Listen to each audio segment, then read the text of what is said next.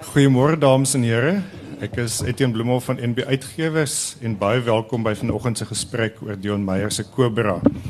Voor ons wegspring wil ek net graag 'n bietjie reklame vir NB Uitgewers maak deur die volgende onder die aandag te bring. Dis op hierdie skerm hier links. Uh eerstens wil ek net die aandag vestig op ons Facebook uh kompetisie. Ons het 'n heerlike kompetisie in die gang waar jy 'n skrywer uit ons album op Facebook kan gaan kies, dit uitdruk hom of haar dan uitknip en 'n foto neem. Laai dan die foto uh op die op die webwerf en werf stemme. Die foto met die meeste stemme wen. En as ek reg verstaan is daar 'n klompie uitdrukke van Dion se skets vanoggend hier. Dion, ek dink amper jy self een, nee. Dis Brad Pitt. en dan uh, dan is ons Twitter kompetisie ook aan die gang. Volg ons op Twitter en tweet met #NBWoordfees en jy kan boeke ter waarde van R1000 wen. En dan ook natuurlik ons groot romanwedstryd. Ehm um, inskrywings vir die groot romanwedstryd word ingewag. Die wenner kan 'n allemintige R200 000 ontvang en die sluitingsdatum vir inskrywings is 1 September 2014. En dan laastens uh, ons het 'n nuusbrief. Daar is vormpies wat jy kan uh, kan inteken uh, en dan kan jy kans staan om kookboeke te wen. So neem gerus van daai vormpies. Nou dames en here, dis 'n kliseë om te praat van 'n skrywer wat eintlik geen bekendstelling nodig het nie. Maar wanneer daardie skrywer Dion Meyer is, kan ek daardie kliseë sekerlik vergewe word. Maar kom ek probeer. Veelbekroonde skrywer, internetstrateeg, tegnologiefondie, rolprentvervaardiger, motorfietsentoesias, danser van formaat, talentvolle fotograaf en hy's ook die man wat namens ons nasie die berugte Franse skeieregter Roman Romain Poit 'n welverdiende pak slaag gegee het. Kom ons volstaan maar dit te sê dat wanneer daar wêreldwyd die woorde Suid-Afrika en misdaad gebruik word, Dion Meyer se naam flinker opduik as die van die hooffiguur en opspraakwekkende hoofsaak hofsaak wat tans pal in die media aandag geniet. Hy is ook die man aan wie ek my huidige etiket, dis nou benewens Frans Bloemhof se broer van Dion Meyer se uitgewer te danke het. Iets waarvoor waarvoor ek hom altyd dankbaar sal wees. Ek bedoel nou nie noodwendig vir die etiket nie, maar vir die voorreg om eerstehands oor 'n periode van omtrent 19 jaar sy vernuf en status as skrywer te sien styg en styg en styg en styg ad infinitum. Die ons gespreksgenoot is die bekende joernalis Elna van der Merwe wat al onder meer by Beeld, Die Burger, Sari, Visie en Insig gewerk het. Was hy ook altyd met boeke bemoei het. Op die oomblik is sy herskrywer en boekeredakteur van Huisgenoot en met haar huisgenoot hoed op die kop het sy 'n reeks uitstekende onderhoude met Dion gevoer tydens die Cobra uh, boektoer aan die einde van verlede jaar. Ek sien geweldig uit na hulle gesprek en ek weet ek's nie die enigste nie. Dion en Elna, luister luister graag na julle.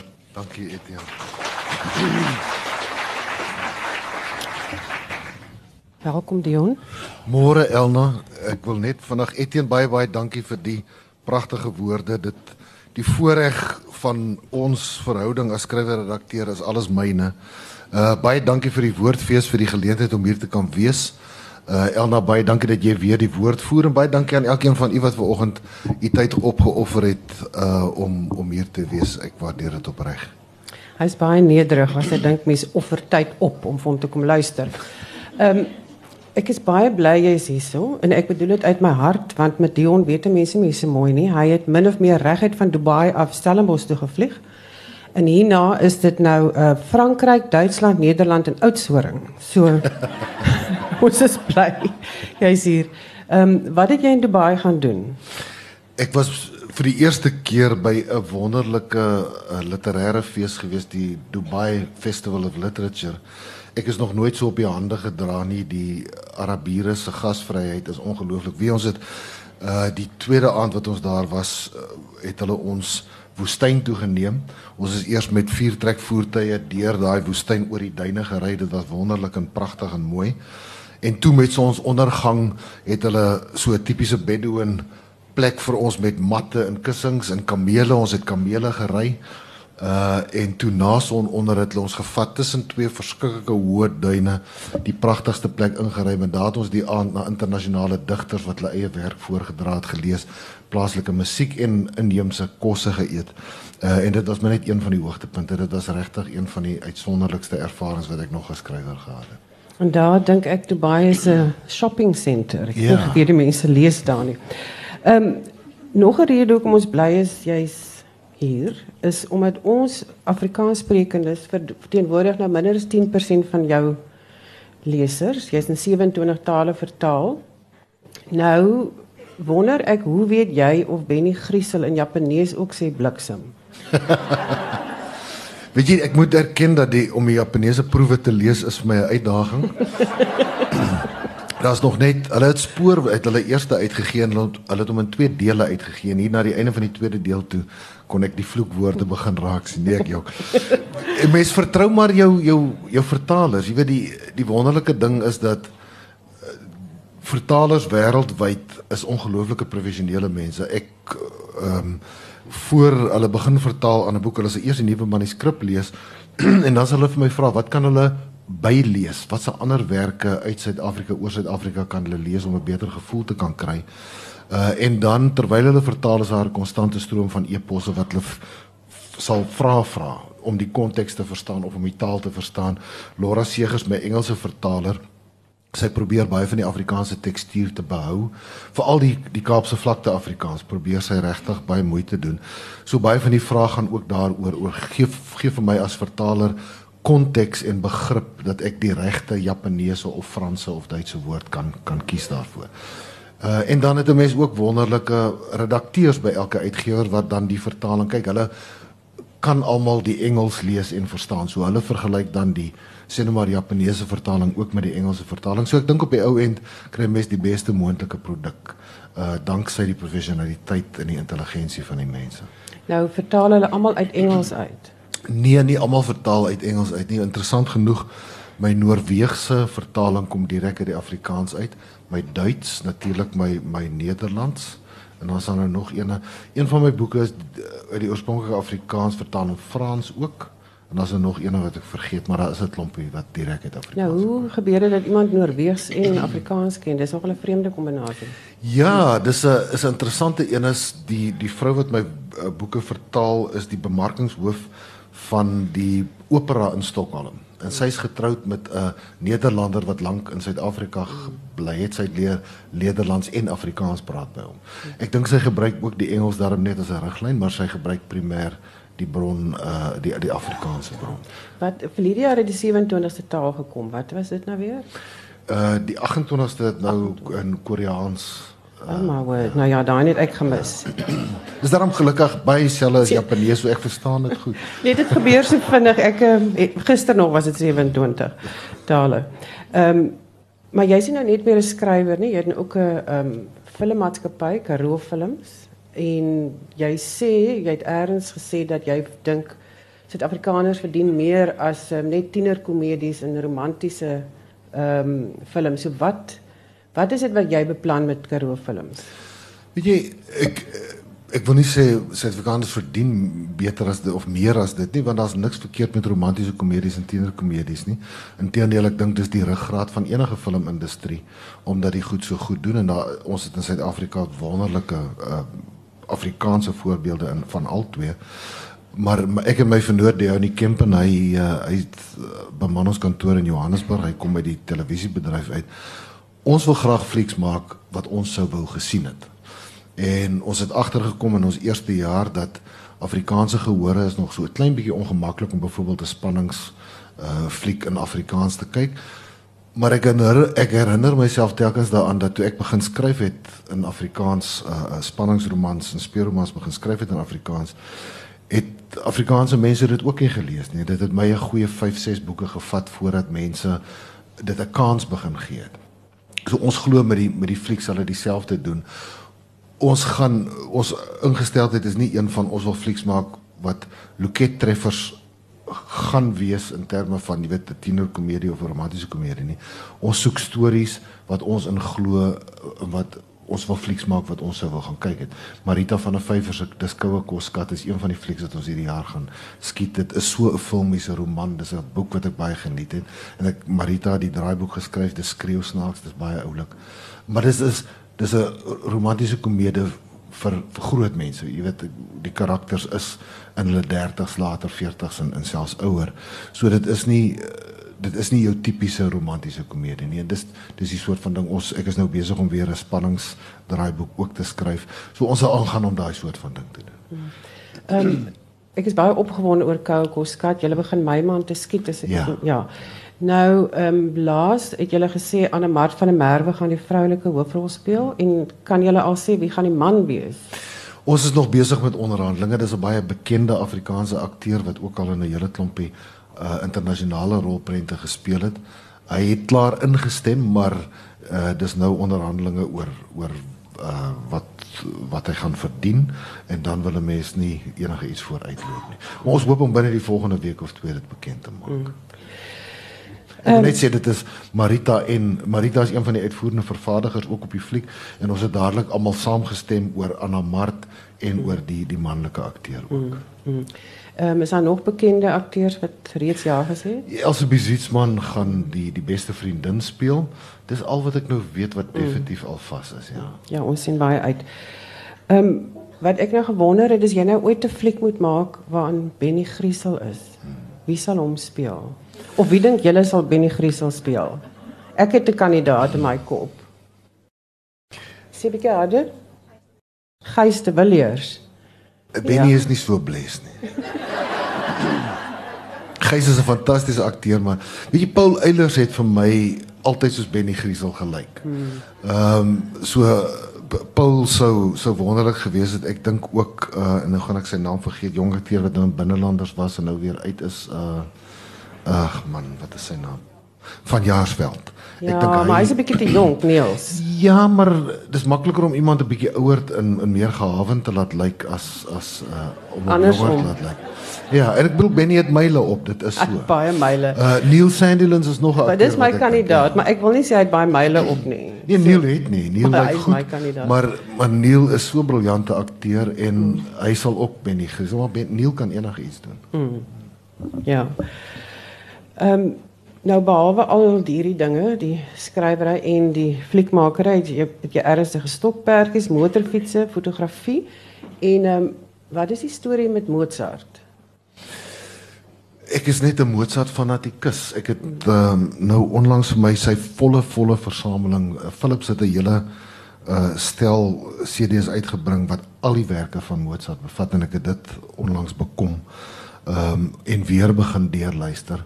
Ek kan net nie genoeg kry en ek moet ek, Mozart was my eerste groot klassieke musiekliefde gewees en ek is nog steeds baie fanaties oor maar ek het die afgelope paar jaar al hoe meer na ander komponiste ook begin luister.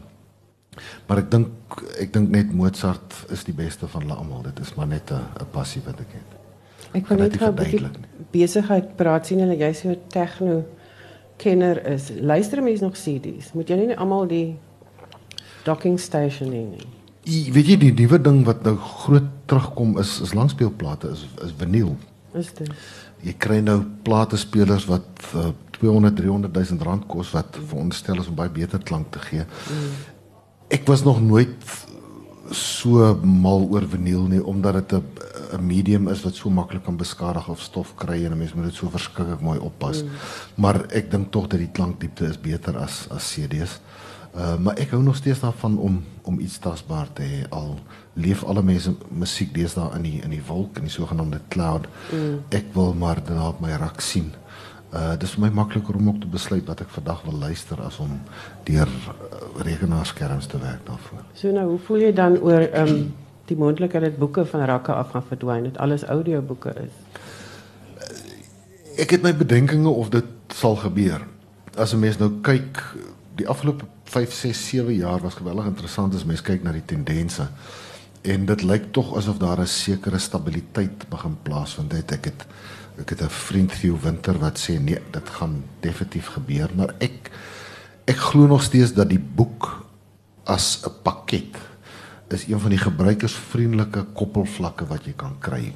Ehm um, ek het nou gisteraand het ek begin lees aan 'n 'n klein slabandboek uh, Michael Connelly se nuutste. En net weer besef hoe lekker dit is. Dis dis ligter as as my iPad. Ehm um, ek is nie seker of of boeke ooit heeltemal sal verdwyn nie om die waarheid te sê. Ek dink ons gaan op die ou end 'n 50-50 persentasie sien. In Brittanje en in Amerika is daar al hoe meer tendense dat dit alles begin stabiliseer. Die groter gevaar is Amazon wat boeke verkoop. Ek dink dis die groot my my groter vrees is dat boekwinkels gaan gaan veel minder word. Maar dan is daar ook weer 'n tendens. Ek was nou in Brittanje laat verlede jaar wat 'n klomp onafhanklike boekwinkel eienaars my gesê het, hulle begin nou groei sien soos wat die groot kettingwinkels toemaak omdat hulle gee baie persoonlike diens. Hulle het baie meer aktiwiteite rondom hulle boekwinkel en dis wat mense wil hê. Mense wil inkom en by iemand wat hulle al voorheen mee gesels het, aanbevelings skryf van lees die of daai of jy jy jy hou hiervan, so ek kan hierdie vir jou aanbeveel.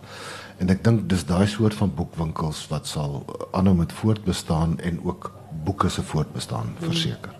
Ek wil julle tog aanmoedig om die klein boekwinkels waar ewer waar julle ook al woon te ondersteun. Hmm. Daai een man of een vrou wat 'n liefde vir boeke het en met groot finansiële hmm moeilikheid so 'n boekwinkel aan die gang hou. Dis tog baie belangrik. En moet ook nie julle boeke uitleen nie, moedig julle vriende aan om hulle eie te gaan koop. Terwyl ons nou preek vir die mense aan. ja, hy preek nou vir my.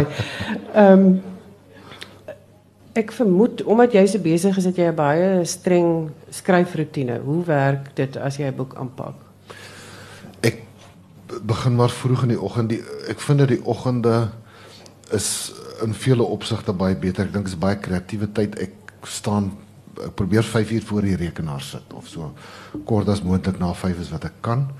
Uh en dan sal ek skryf tot so 12 uur se kant. Ek ek vind dat uh, tussenin sal ek daarom ontbyt eet, maar ek vind dat as ek so 6 7 ure geskryf het, is ek is ek kreatief nogal redelik gedaan. En dan sal ek die res van die dag sal ek nou e-posse. E-posse is my baie interessant kom meestal in die middag lyk vir my mense begin eers hier oor middagete aan skrywers dink. So e-posse kom gewoonlik meer in die middag aan, so ek sal die middag en die aande sal ek vergaderings e-posse die soort van ding doen, maar die oggende is is skryftyd. En dan skryf jy 7 dae van die week. Ja, omdat omdat dit lekker is, omdat ek geniet uh, om dit te doen, maar ook omdat is jong mense doen daar so baie boektoere in in boekbekendstellings en die reistyd neem vreeslik baie. So ek het eintlik nie 'n keuse nie wanneer ek by die huis is. Ehm um, dan probeer ek maar 7 dae week. Ek probeer so op 'n Saterdag of 'n Sondag 'n bietjie minder, 'n bietjie korter skryf, sien maar net 3 of 4 ure in plaas van die van die 6 7 8. Uh daar net om 'n bietjie te ontspan ook. Ehm um, maar ja, 7 dae week. Nou as jy nou begin met 'n nuwe roman, Soek jy 'n storie of kies jy 'n karakter? Wat is die begin van 'n nuwe boek? Ek werk uitsluitlik op storie eerste. Uh storie bepaal vir my alles. As ek nie in die storie glo nie, is ek nie regtig opgewonde raak, geesdriftig raak oor die storie nie. Ek dink my geesdrif oor die storie gaan uiteindelik die leser se geesdrif oor die storie bepaal. Ek moet dink, "Jesus, dis 'n lekker storie hier. Ek wil hom vertel." Die die storie moet so sterk wees dat hy my dwing om te gaan skryf. En dan bepaal storie alles. Storie bepaal watter karakters ek gebruik. As dit 'n storie is wat perfek is vir Benny Griesel of vir Lemmer of vir Matthew Bear, dan sal ek hulle gebruik want ek dink 'n mens spaar baie tyd deur karakters weer in te span wat jy wat jy baie goed leer ken het. Ehm um, Maar as ek 'n storie het en ek is nou besig met 'n met 'n nuwe boek wat ek heeltemal nuwe karakters het, bloot omdat die aard van die storie dit bepaal het. Ja, so vra ek om al 'n paar jaar om 'n boek te skryf waarin kaptein Bali Kaleni die hoofkarakter is en dan sê hy vir my hy kan nie want hy dis nie karakter eerste nie, maar ek dink hy diskrimineer. Ehm um, omdat sy vrou is. Uh vertel bietjie daai, hy's een keer ehm um, op soek na 'n storie geïnspireer deur 'n vliegtyg wat voor die maan verbygevlieg het. Ja. Vertel daai storie. Ja, dit was Orion geweest. Ek het ehm um, ek het 'n vliegtyg voor die maan voor 'n volmaan sien verbyvlieg, net die die silhouet. En dit was my so verskriklike kragtige beeld want dit is so half 'n ding wat 'n mens net in fliek sien of dalk op 'n uh, gedokterde foto wat ook al. En dit was die beginpunt van wat uiteindelik Orion gekom het. Ek het begin dink oor waar kan so 'n vliegtyg in die nag en dit was 'n 'n skroefvliegtyg gewees. Dit was nie 'n straler nie. En ek het begin dink waar kan so 'n vliegtyg in die nag op pad heen wees en dit was een van die of ek sal sê dit was die belangrikste ontstaansbron van wat Orion ge, geword het. Ehm mm. um, nou Benny Griesel met sy drankprobleem. Is hy nie 'n klise van sy genre en is wat Joe Nesbo het vir Harry Hole en Ian Rankin het vir John Rebus. So ehm um, hoe kan jy ontsnap van so 'n klise? Ja, Benny is 'n klise en ek dink dit is goed so. Weet jy ek dink 'n mens werk veral in genre fiksie, werk 'n mens net met klisjées. Omdat alles is al gesê en gedoen. Ehm um, en wat ek probeer is om nuwe lewe aan die klisjé te gee, om om vernuwend daarmee om te gaan. Uh wat ek met Benny byvoorbeeld gedoen het, ek moet miskien net Benny se storie vertel. Benny was nooit veronderstel om 'n protagonis te wees nie. Toe ek Phoenix geskryf het wat 'n somber boek is, Matthew Bear die hoofkarakter daarin het aan depressie gelei en dit was 'n donker boek geweest. En ek het besef ek het komiese verligting nodig. Ek het 'n karakter nodig wat die leser 'n bietjie kan laat glimlag wat as 'n teenpool vir vir die donker kan dien. En toe skep ek vir Benny Griesel en dikwels wanneer 'n mens 'n karakter skep wat dalk net 10 bladsye in 'n boek gaan beslaan, dan dink 'n mens nie veel na nie. En toe ek Benny Griesel die alkolikus wat dronk op die job is geskep, nooit gedink hy sal iets meer as dit word nie. En in die skryf van Phoenix elke keer as Benny in 'n toneel is, dan was dit 'n lekkerder toneel as van die ander tonele en hy het hy het dinge op die bladsy laat gebeur. Ehm um, bloot deur die krag van sy karakter het hy die storie begin wendinge gee en het hy homself begin opdring as 'n belangriker karakter sodat hy op die ou end uh veel meer bladsye gekry het in die boek as wat ek uh, ooit voorsien het. En toe klaar was met met, met Phoenix het ek besef maar hy's so lekker ou uh, lekker is nou hoofsaaklik ek het so lekker geskryf aan hom. Uh want ek dink as skrywer hoop 'n mens dat die materiaal waarmee jy werk uh stimulerend gaan wees, kreatief stimulerend gaan wees. Uh vir jou meer kreatiewe keuses opsies sal gee en dit is wat Benny was. En toe nog ek een of ander tyd gaan ek hom as 'n hoofkarakter terugbring, maar ook nie vreeslik daaroor nagedink nie. En toe ek met ehm um, Infanta. Besef maar hierdie is 'n perfekte storie vir Benny en begin skryf aan Infanta. Toe besef ek maar nou sit ek hier met 'n klise die alkoholiese dronk polisieman. Wat maak ek nou daarmee?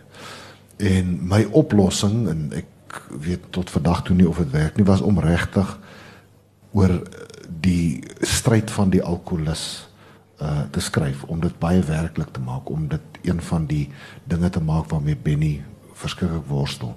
Ek het destyds met die formidable Madeleine van Billjon gaan gesels. Sy was 'n selferkende en openlike alkolikus gewees.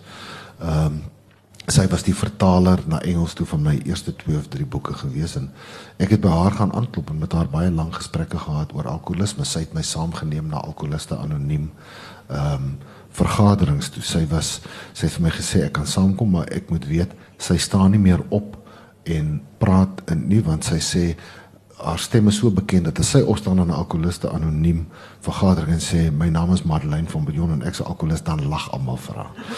Ehm um, Madeleine is is oorlede tot my groot verlies ek het spoor aan haar opgedra. Sy was uh sy was so 'n ongelooflike vrou geweest, maar sy het my baie gehelp met die navorsing.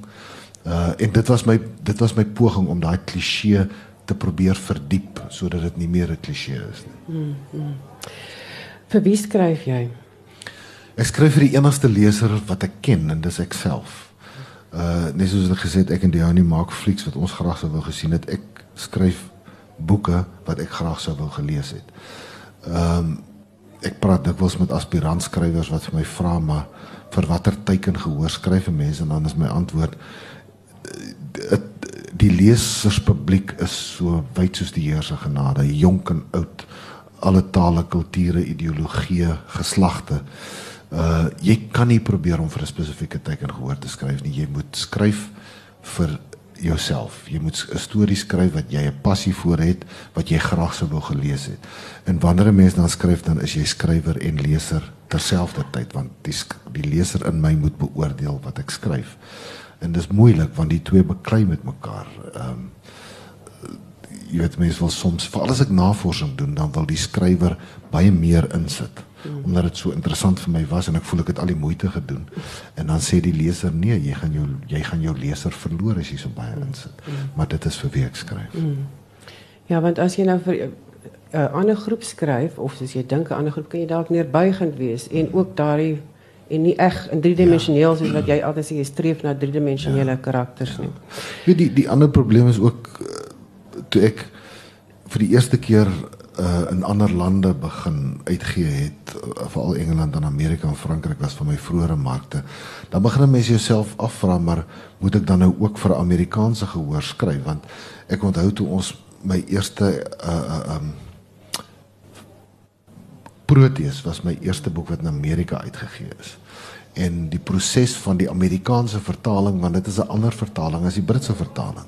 Die proses was een gewees waar ons ek 'n hele paar hoofstukke moet byskryf om vir die Amerikaners te verduidelik hoe Suid-Afrika werk.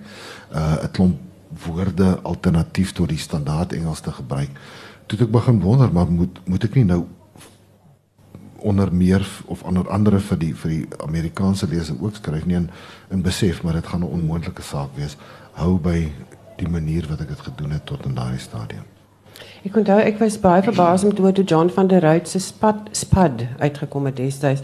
Toe hulle vir die Amerikaanse mark het verander omdat wel verskillende goeder, klomp goeder, onder meer die kinders van die skool speel cricket en in Amerika is dit nie 'n groot genoeg sport nie. Dit is aan vir my 'n ingrypende ding om te verander in 'n skrywer se ja. werk. Ja, maar ek dink nie dit verander noodwendig aan die storie nie. Jy weet of iemand nou cricket of bofbal speel in 'n fliek gaan nie eh, tensy dit oor die spesifieke sport soort gaan wat nou 'n ander saak is. Maar om 'n hoofstuk of twee by te skryf om 'n bietjie die Suid-Afrikaanse politieke omgewing op 'n hopelik vermaaklike manier uiteen te sit, dink ek nie is 'n is 'n aardsonde nie. Op die ou end 'n storie 'n internasionale taal en karakter se menslikheid is iets wat internasionaal uh waardeer word en en dit is die rede hoekom mense dink ek identifiseer met hoofkarakter en ek dink as 'n mens poog om daardie twee dinge reg te kry dan dan is die res uh nie baie belangrik nie. Mm. Goed, nou kom ons by Cobra en as jy hom nog nie het nie, hy is hier te koop. Ehm um, teken jy boeke vir daai? Ek teken hier nou. Ja. Hy teken agterna boeke vir julle. Nou jy begin sommer op bladsy 1 'n baie bloederige uh, toneel in 'n gastehuis in Franshoek. En uh, Benny Griesel kom nou af op hier so staan 'n uh, eh, Griesel tree versigtig nader. Hy sien die skietwond in die voorkop skynsbok aan die linkeroog. 'n Dun straaltjie bloed wat na regs afloop, nou byna swart. Onder die kop wat na regs rus is 'n plas, dikker, so groot soos 'n piering. Uitskietwond dan um, kyk ek na verder rond en Griesel dink by myself die skieter het bes moontlik in die deur gestaan. Die slagoffer min of meer in die middel van die portaal. As die moordwapen 'n pistool was sou sy doppies na reg uit regs uitgewerp het. Hy soek daarvoor hy kry dit nie. En dan vertel hy ook van die um, soort vuurwapen wat hy nou daar gebruik het. Nou is jy 'n skut dat jy hierdie En ons luister nou almal volg na die Pistorius saak en dan sien 'n mens nou hoe fyn die forensiese ehm um, ondersoeke is. Waar kom jou kennis en daai met polisie rondgehang? Is jy self geskit? Ek ek kan skiet, ek het geskiet. Ek skiet nie eintlik meer nie. Ehm um, behalwe met die kamera. Ehm um, maar die, ek moet sorg dat ek weet hoe vuurwapens werk as dit 'n baie obskure vuurwapen is, dan sal ek probeer om een in die hande te kry en en en wel met hom te gaan skiet. Maar eh, deesdae is daar soveel verskriklike inligting op die internet eh, beskikbaar. Jy weet, daar's selfs YouTube video's oor elke vuurwapen wat afgevuur en getoets word, uh dat 'n mens nie meer self hoef te skiet nie. Uh ek het baie goeie uh verhouding met die valke waar Benny werk.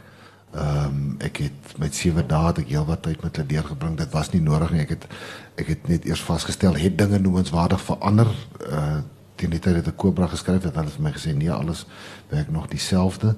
So ek het nie nodig gehad om weer te gaan nie, maar ek het ehm um, kaptein Elmarie Meiburg, ehm um, sy's 'n forensiese sielkundige by die polisie in Pretoria.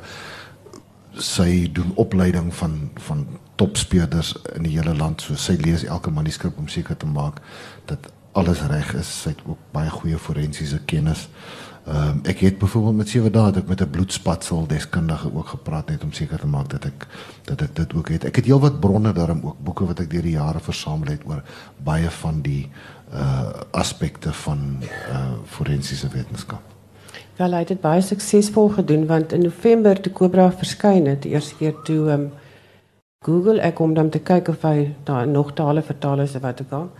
Ehm um, en ek kom af op gunsite.co.za wat ehm um, geweerliefhebbers opskryf. En daar is 'n Engelsman wat skryf I started reading Cobra in Afrikaans.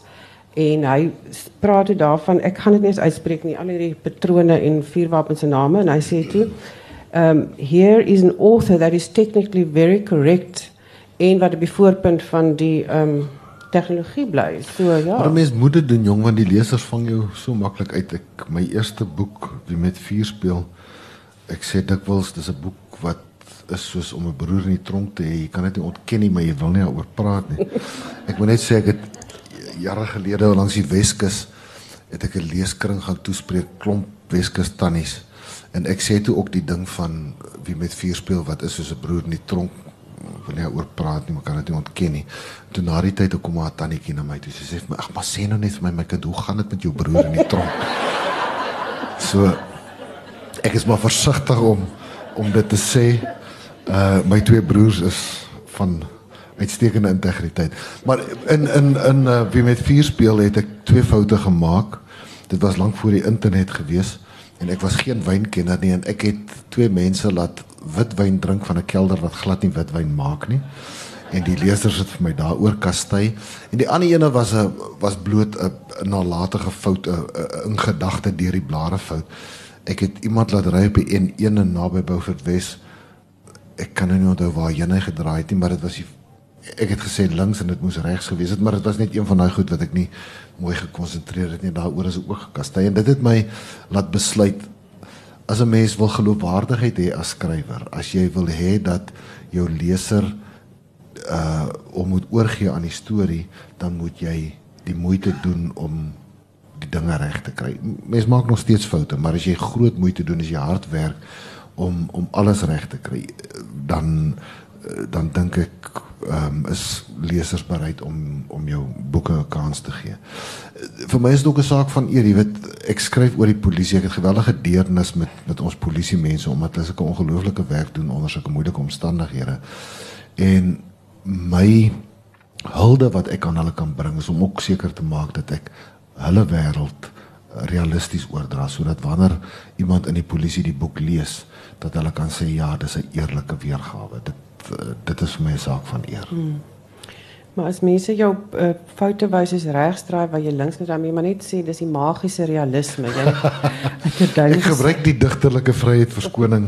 ja. Uh, soms as ek baie skaam is maar mense moet maar die moeite doen. Hmm. Nou een van die maniere wat jy karakters vir ons teken is hulle klere drag en ek lees twee voorbeelde. Die een is van Kipido. Is hy kaptein? Wat is hy? Hy's kaptein. Hy's kaptein ja. Hy staan op die drempel in sy lang swart jas, sy nuwe gewaad wat hy self erkend opgetel het by 'n factory shop in Soutrivier vir 'n bargain puppy, classic detective style, the hawk in winter, ek sê vir jou.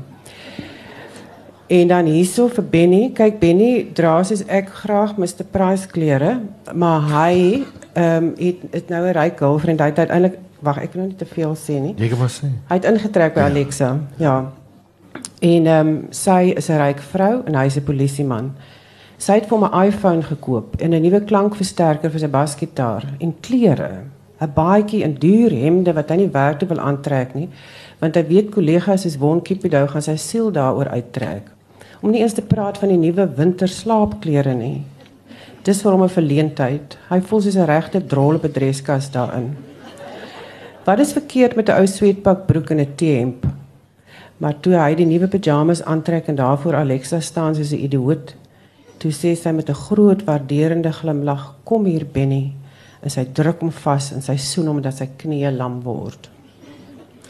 Um, Ek soek ook van daai pyjamas. uh wat is nog tegnieke wat jy 'n karakter teken behalwe die klere dra? Weet jy, ek moet net eers sê van die klere drag, ek is baie dom met klere. Ek het geen belangstelling in klere nie. Ek moet altyd raad vra as ek klere koop of klere aantrek. Ehm um, en ek dink 'n mens moet juist kompenseer vir jou swakhede. So ek doen baie moeite om uh, vas te stel of, of om na te dink oor waar koop karakters hulle klere, wat sal hulle aantrek, hoekom sal hulle dit aantrek want ek dink tog klere is in in sekere opsigte 'n verlenging van ons persoonlikheid. En omdat ons sulke visuele wesens is, maak dit tog 'n verskil. Maar karakterisering gaan vir my in die eerste plek oor om die karakter te deurdink van en ek praat nou spesifiek van hoofkarakters want daar is 'n baie groot verskil tussen uh, kamee karakters en en hoofkarakters, maar vir my hoofkarakters dink ek lank voor ek begin skryf, waar kom hulle vandaan? Ek werk uh, 'n uh, sigblad in Excel uit van hulle geboortedatum en sal ek by elke jaar 'n aantekening maak van dis waar hulle op skool was. Hoe was hulle ouers? Hoe was hulle grootword jare? Wat is die die dinge wat in hulle lewe gebeur het wat 'n groot uh psigiese invloed op hulle gehad het? En watter bydrae het hulle gene gehad? So ek dink ook oor hulle ouers en so 'n bietjie oor hulle voorouers. Want dit is vir my belangrik dat ek wanneer ek begin skryf dat ek die die mense daarom redelik ken al. maar nou is dit ook so dat selfs maak nie saak hoeveel moeite 'n mens doen nie, jy leer hulle eers ken wanneer jy met hulle elke dag interaksie het. En dis 'n dis 'n bietjie van 'n 'n skrikwekkende proses. Ek dink nie die onderbewussyn kan onderskei tussen interaksie met fiktiewe karakters in jou kop en interaksie met regte mense in die regte lewe nie. Ek dink ehm um, dit is maar vir die onderbewussyn dieselfde sodat my karakters word my baie werklik en jy moet ook in gedagte hou as jy 'n boek lees dan bring jy 3 dae of 'n week saam met die karakter deur. Wanneer ek 'n boek skryf is dit 'n jaar wat ek saam met die mense 7 ure 'n dag leef. En ek dink hulle word vir die skrywer baie meer werklik sodat wanneer ek klare boek geskryf het dan verlang ek na hulle ek is gaan op die oomblik deur 'n fase wat ek na Tyrone een van die karakters in Cobra verlang en ek worry oor hom wat waarmee is hy besig Ja maar ek wil ja ekskuus gaan aan uh jy weet so ek die karakterisering gaan vir my oor karakters leer ken soos wat mense mense leer ken deur met hulle interaksie te hê. Dit is vir my die die beste vorm van karakterontwikkeling. Hmm. 'n Ander ding wat jy vir my baie mooi gebruik is die verskillende maniere wat die karakters praat en die taal wat hulle gebruik. Dis een meng die taal, die ander een lispel, die en, ja, Kaapse taal ehm um, my baie interessant. Maar ek is bly jy verlang na Tyrone want hy kom in Cobra aan en dit is maar een van die wonderlikste karakters wat ehm um, al teëgekom het van jou. Ek het ook vir hom ek ook bekommerd oor hom en verlang na hom. Lees vir ons asseblief waar hy inkom.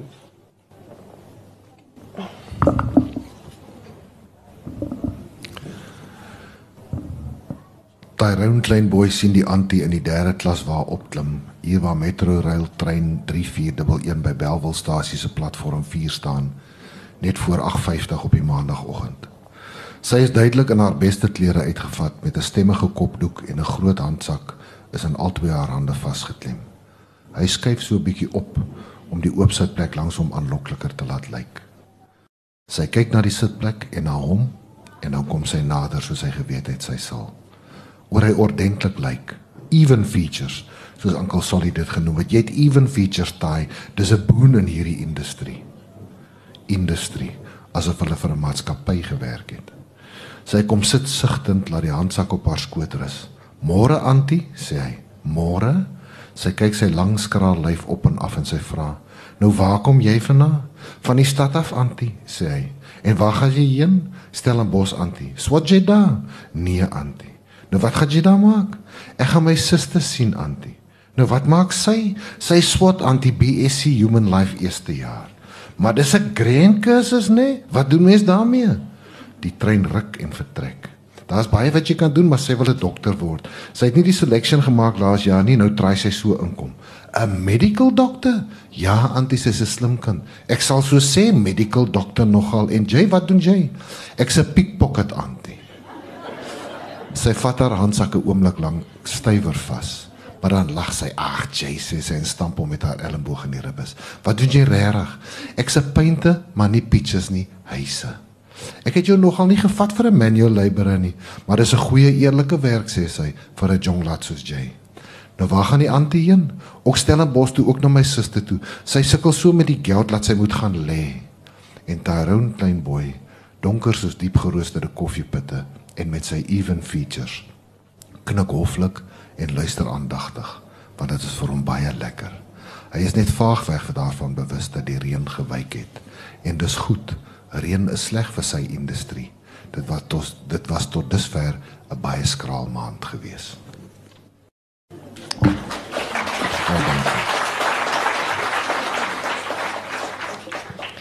Ehm um, Tyrone het die waarheid gepraat. Hy is 'n sakkeroller en die eerste keer wat ons hom sien ehm um, sy besigheid doen is voor om saam met sy winkel by 'n toeristebus. Baie interessant. As jy daar verbyloop, wees maar versigtig. Ehm een van die aangrypendste tonele in hierdie boek speel tussen Tyrone en Cupido af. En Tyrone huil, hy ry die trein ja, uh, tot op Milders vlei. Ek het tot by die depo gehuil. Dit was baie roerend geweest.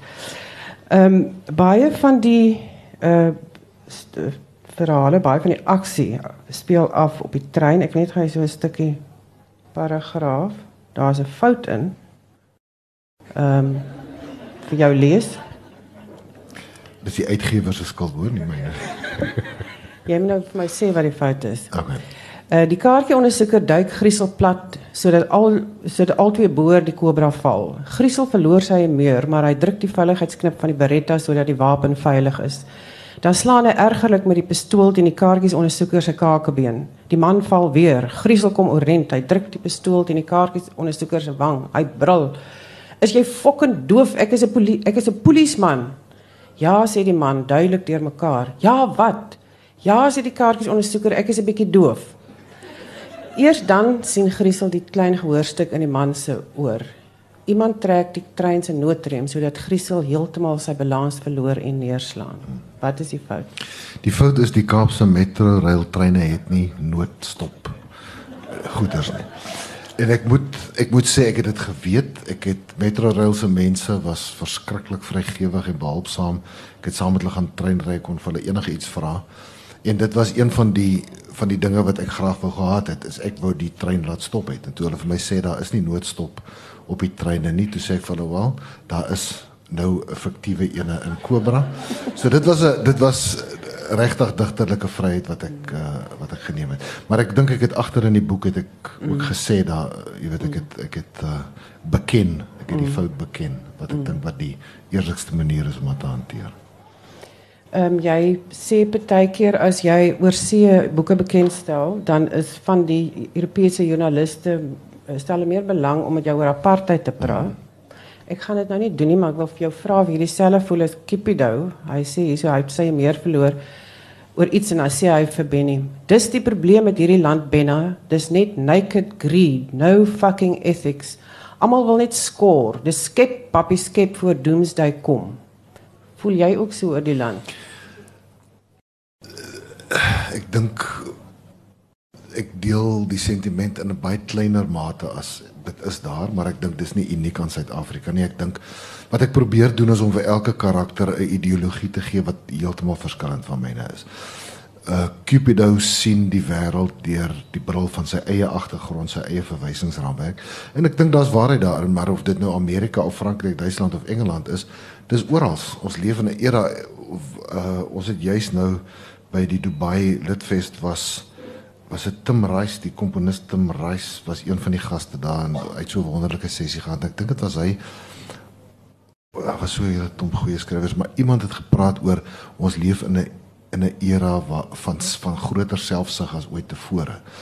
En ek dink nie dis uniek aan Suid-Afrika nie. Ek dink dis 'n universele ding, maar Cupido kyk uiteraard net na ons land en dit is hier ook teenwoordig, ja. Ehm um, hier's 'n paar manne wat baie wild vloek in die boek en so moes ek nou al vanoggend vloek. Ek my mond moet gaan uitwas hierna. Kan ek gou-gou die storie vertel oor my ma? Ehm um, my ma toe ek nou begin skryf het en dis nie ek ek vloek omtrent nooit, dis my karakters wat so bloody lelik praat en ek is ook maar skaam daaroor.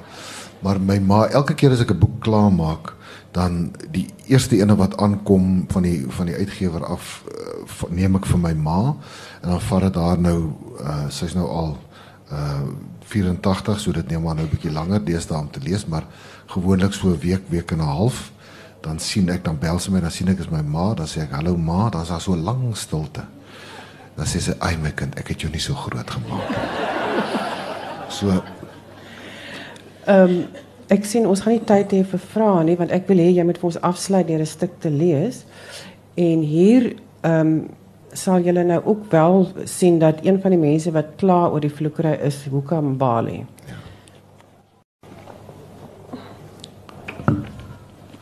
Mbali sit en wag sonder vrees. Dis net die tinteling van adrenalien, adrenalien in haar are. Want haar hand is op haar dienspistool, die loopbuis vorentoe, al is dit in die diep donkerte van haar handsak. Al het Bones vir haar gebel en gesê Benny Giers wil vra dat sy net die Cobra wat die geheuekaart kom haal sal dophou. Op Belwelstasie wag kolonel Zola Nyati en luitenant Olinda Radebe. Moet dit die Cobra konfronteer nie, identifiseer hom, hou hom dop. By Parostasie kyk sy by die venster uit om te sien of sy 'n Cobra of sy die 'n Cobra kan herken. Daar is te veel mense wat in en uit klim in haar wa. Eers wanneer daar weer orde is, net voor die deur toe gaan, raak sy bewus van hom. Dis die een van die waterfront. Sy weet dit want sy herken die bofbalpet, die slanke grasie van sy beweging, die vorm van sy gesig, die melkkoffiekleur van sy vel. Dit is die een wat hulle dink van Mosambiek afkom. Sy vermaan haarself onhoorbaar en in Zulu om kalm te bly. Haar hart begin hamer teen haar borskas. Haar hand sweet op die dienspistool se kof. Hy is die een wat 5 mense doodgeskiet het. Die trein vertrek. Sy sien hoe hy die banke tel. Hy kom na haar toe. "Could you move?" vra hy en wys na die oop sitplekke waar weerskante van haar. "Nou," sê sy. Sy kyk hom in die oë. Sy sien die dood. Sy kyk nie weg nie. Hy huiwer. Hy buig af en sy hande soek onder die banke links van haar. Hy kom orent. Hy beweeg na haar regterkant en buig en soek weer. Hy staan regop en loop tot voor haar. "You will have to move. I have lost something. I must find it." Sy sit, 'n vroulike Boeddha, doelbewus bewegingloos en stuurs. Sy sug diep asof dit 'n baie groot opoffering is. Sy skuif na haar regterkant, stadig. Hulle wag tot sy die volle omvang van haar lyf in die volgende sitplek het. Hy buig, hy soek tot sy vingers tot stilstand kom. Sy trek die pistool uit haar handsak in een gladde beweging. Sy maak seker dit haak nie aan enige iets vas nie. Sy gesig is hier langs haar dui terwyl hy voel voel. Hy sien die beweging te laat. Sy druk die bek van die pistool teen die rand van die bofbalpet net bo kan die man se slaap. Sy sê, "If you make any movement, I will shoot you because you are a killer." I am Captain Mbali Kaleni of the South African Police Services, and you are under arrest for the murder of five security officials at the waterfront. Hy sit doodstil, albei sy hande nog onder die sitplek. Sy weet hy het die kougom nou daar beet. Laat hom maar dink die kaart is steeds daar. Hy sê iets kort en eksplosief in 'n taal wat sy nie verstaan nie. Sy weet dis 'n vloekwoord. Mbali stamp die pistool se bek hard teen Joachim Corrado se slaap.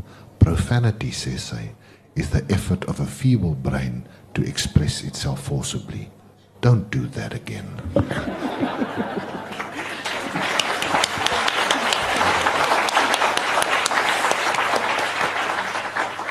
baie dankie Dion, dit was baie lekker geweest. Dankie vir jou Elna, baie dankie.